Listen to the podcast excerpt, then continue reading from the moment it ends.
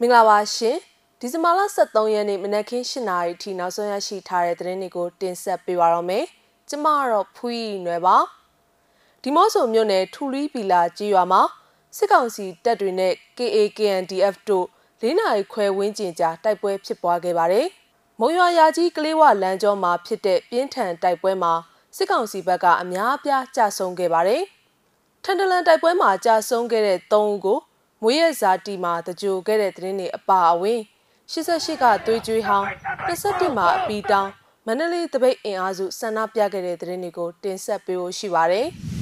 ။ကြားပြည်နယ်ဒီမော့ဆိုမြို့နယ်ထူလီပီလာကျေးရွာခြေတော်ရဖျားတောင်အနီးကိုစစ်ကြောင်းထိုးလာတဲ့စစ်ကောင်စီတပ်တွေကိုကရင်နီတပ်မတော် KA နဲ့ကရင်နီအမျိုးသားများကာကွယ်ရေးတပ် KNDF တို့ကခုခံတိုက်ခိုက်ခဲ့ရမှာ စစ်ကောင်စီတပ်ဘက်ကထိခိုက်ကြဆုံးမှုရှိနိုင်တယ်လို့ KNDF ကထုတ်ပြန်လိုက်ပါတယ်။ဒီဇင်ဘာလ12ရက်နေ့လယ်တနာရီကနေညနေ9နာရီခွဲအထိ၄နာရီခွဲဝန်းကျင်ကြာတိုက်ပွဲအတွင်းစစ်ကောင်စီဘက်ကထိခိုက်ကြဆုံးမှုရှိနိုင်ပြီးမိမိတို့ဘက်ကထိခိုက်မှုတစုံတရာမရှိဘဲတိုက်ပွဲဖြစ်ပွားရာနေရာကနေတက်ဆုံနိုင်ခဲ့တယ်လို့ KNDF ကဒီဇင်ဘာလ12ရက်ညပိုင်းမှာသတင်းထုတ်ပြန်ခဲ့တာပါ။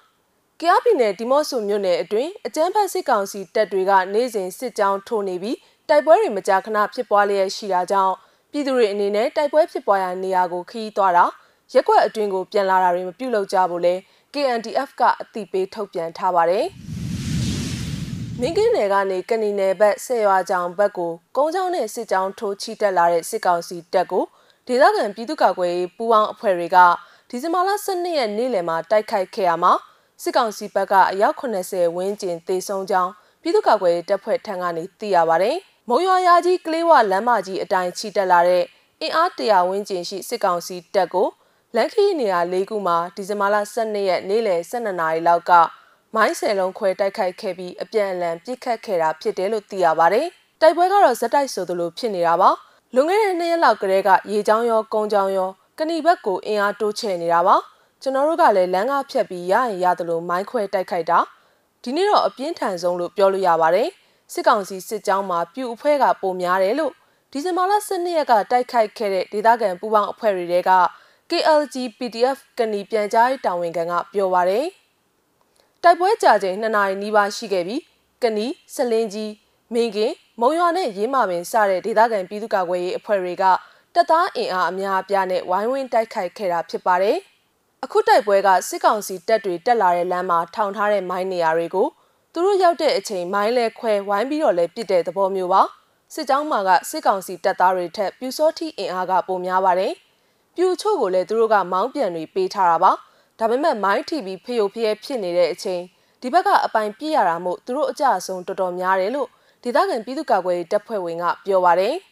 တိုက်ပွဲအပြီးမှာအဲ့ဒီစစ်ကြောင်းဟာလမ်းမကြီးအနီးရှိလက်ပို့ကျေးရွာမှာတက်ဆွဲနေတယ်လို့ဆိုပါတယ်ဒီဇင်ဘာလ17ရက်နေ့လယ်12နာရီခွဲလောက်ကလည်း ကြောက်စိမ့်တွေရေရင်နဲ့တဲဆောင်လာတဲ့စစ်ကောင်စီအုပ်စုဟာ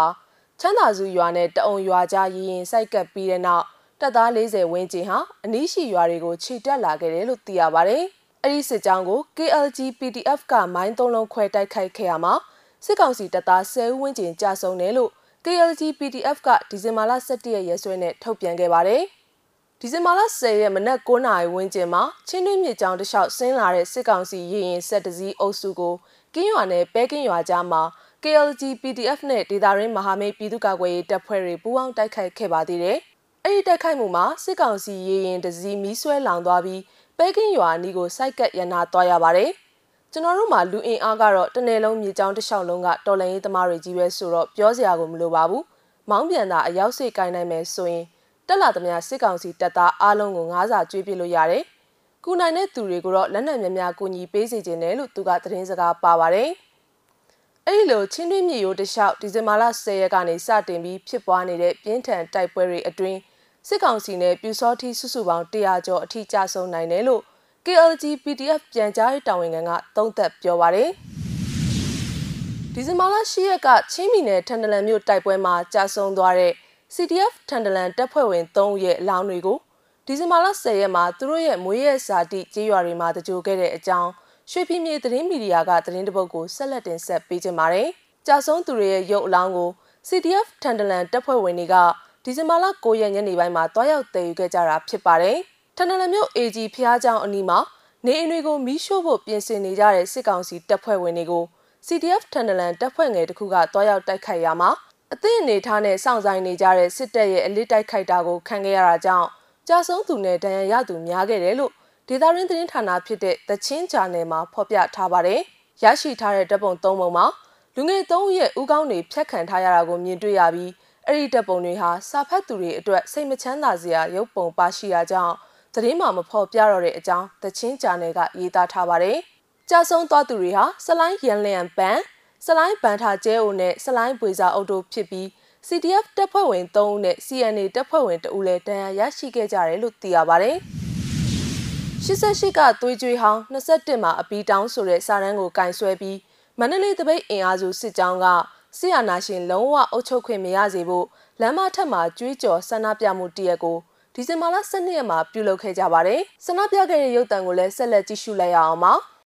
တဲ့အာနာရှင်ကြဆုံး ရေး။တော်ရေးတော်ရေးတဲ့အာနာရှင်ကြဆုံးရေး။တော်ရေးတော်ရေးအန်တီကကျောင်းသားပြည်သူများတက်တယ်လို့တက်တယ်လို့အန်တီကကျောင်းသားပြည်သူများတက်တယ်လို့တက်တယ်လို့အာနိုတင်လေဒီမိုကရေစီအာဒူတွဲလေဒီလူတွဲဟဲ့တော်ပြည်သူတွေညီရနိုင်ညီရဟဲ့ညီရဟဲ့တော်ပြည်သူတွေညီရနိုင်ညီရဟဲ့ညီရဟဲ့ပတ်သက်တဲ့မြစ်ကအသစ်စစ်တဲ့အမြစ်ကချောက်ကကိုမောက်ပြ ကြောက်ခေကိုမောက်ပြ ချောက်ကကိုမောက်ပြ ကြောက်ခေကိုမောက်ပြ တော်တော်များများ တော်တော်များများ တပိတ်တပိတ် ဘောဘော တပိတ်တပိတ် ဘောဘော တန်ရတန်ရ ကြောက်ကြောက် တန်ရတန်ရ ကြောက်ကြောက် အကျရော အော်ယောဒီ အကျရော အော်ယောဒီ အကျရော အော်ယောဒီ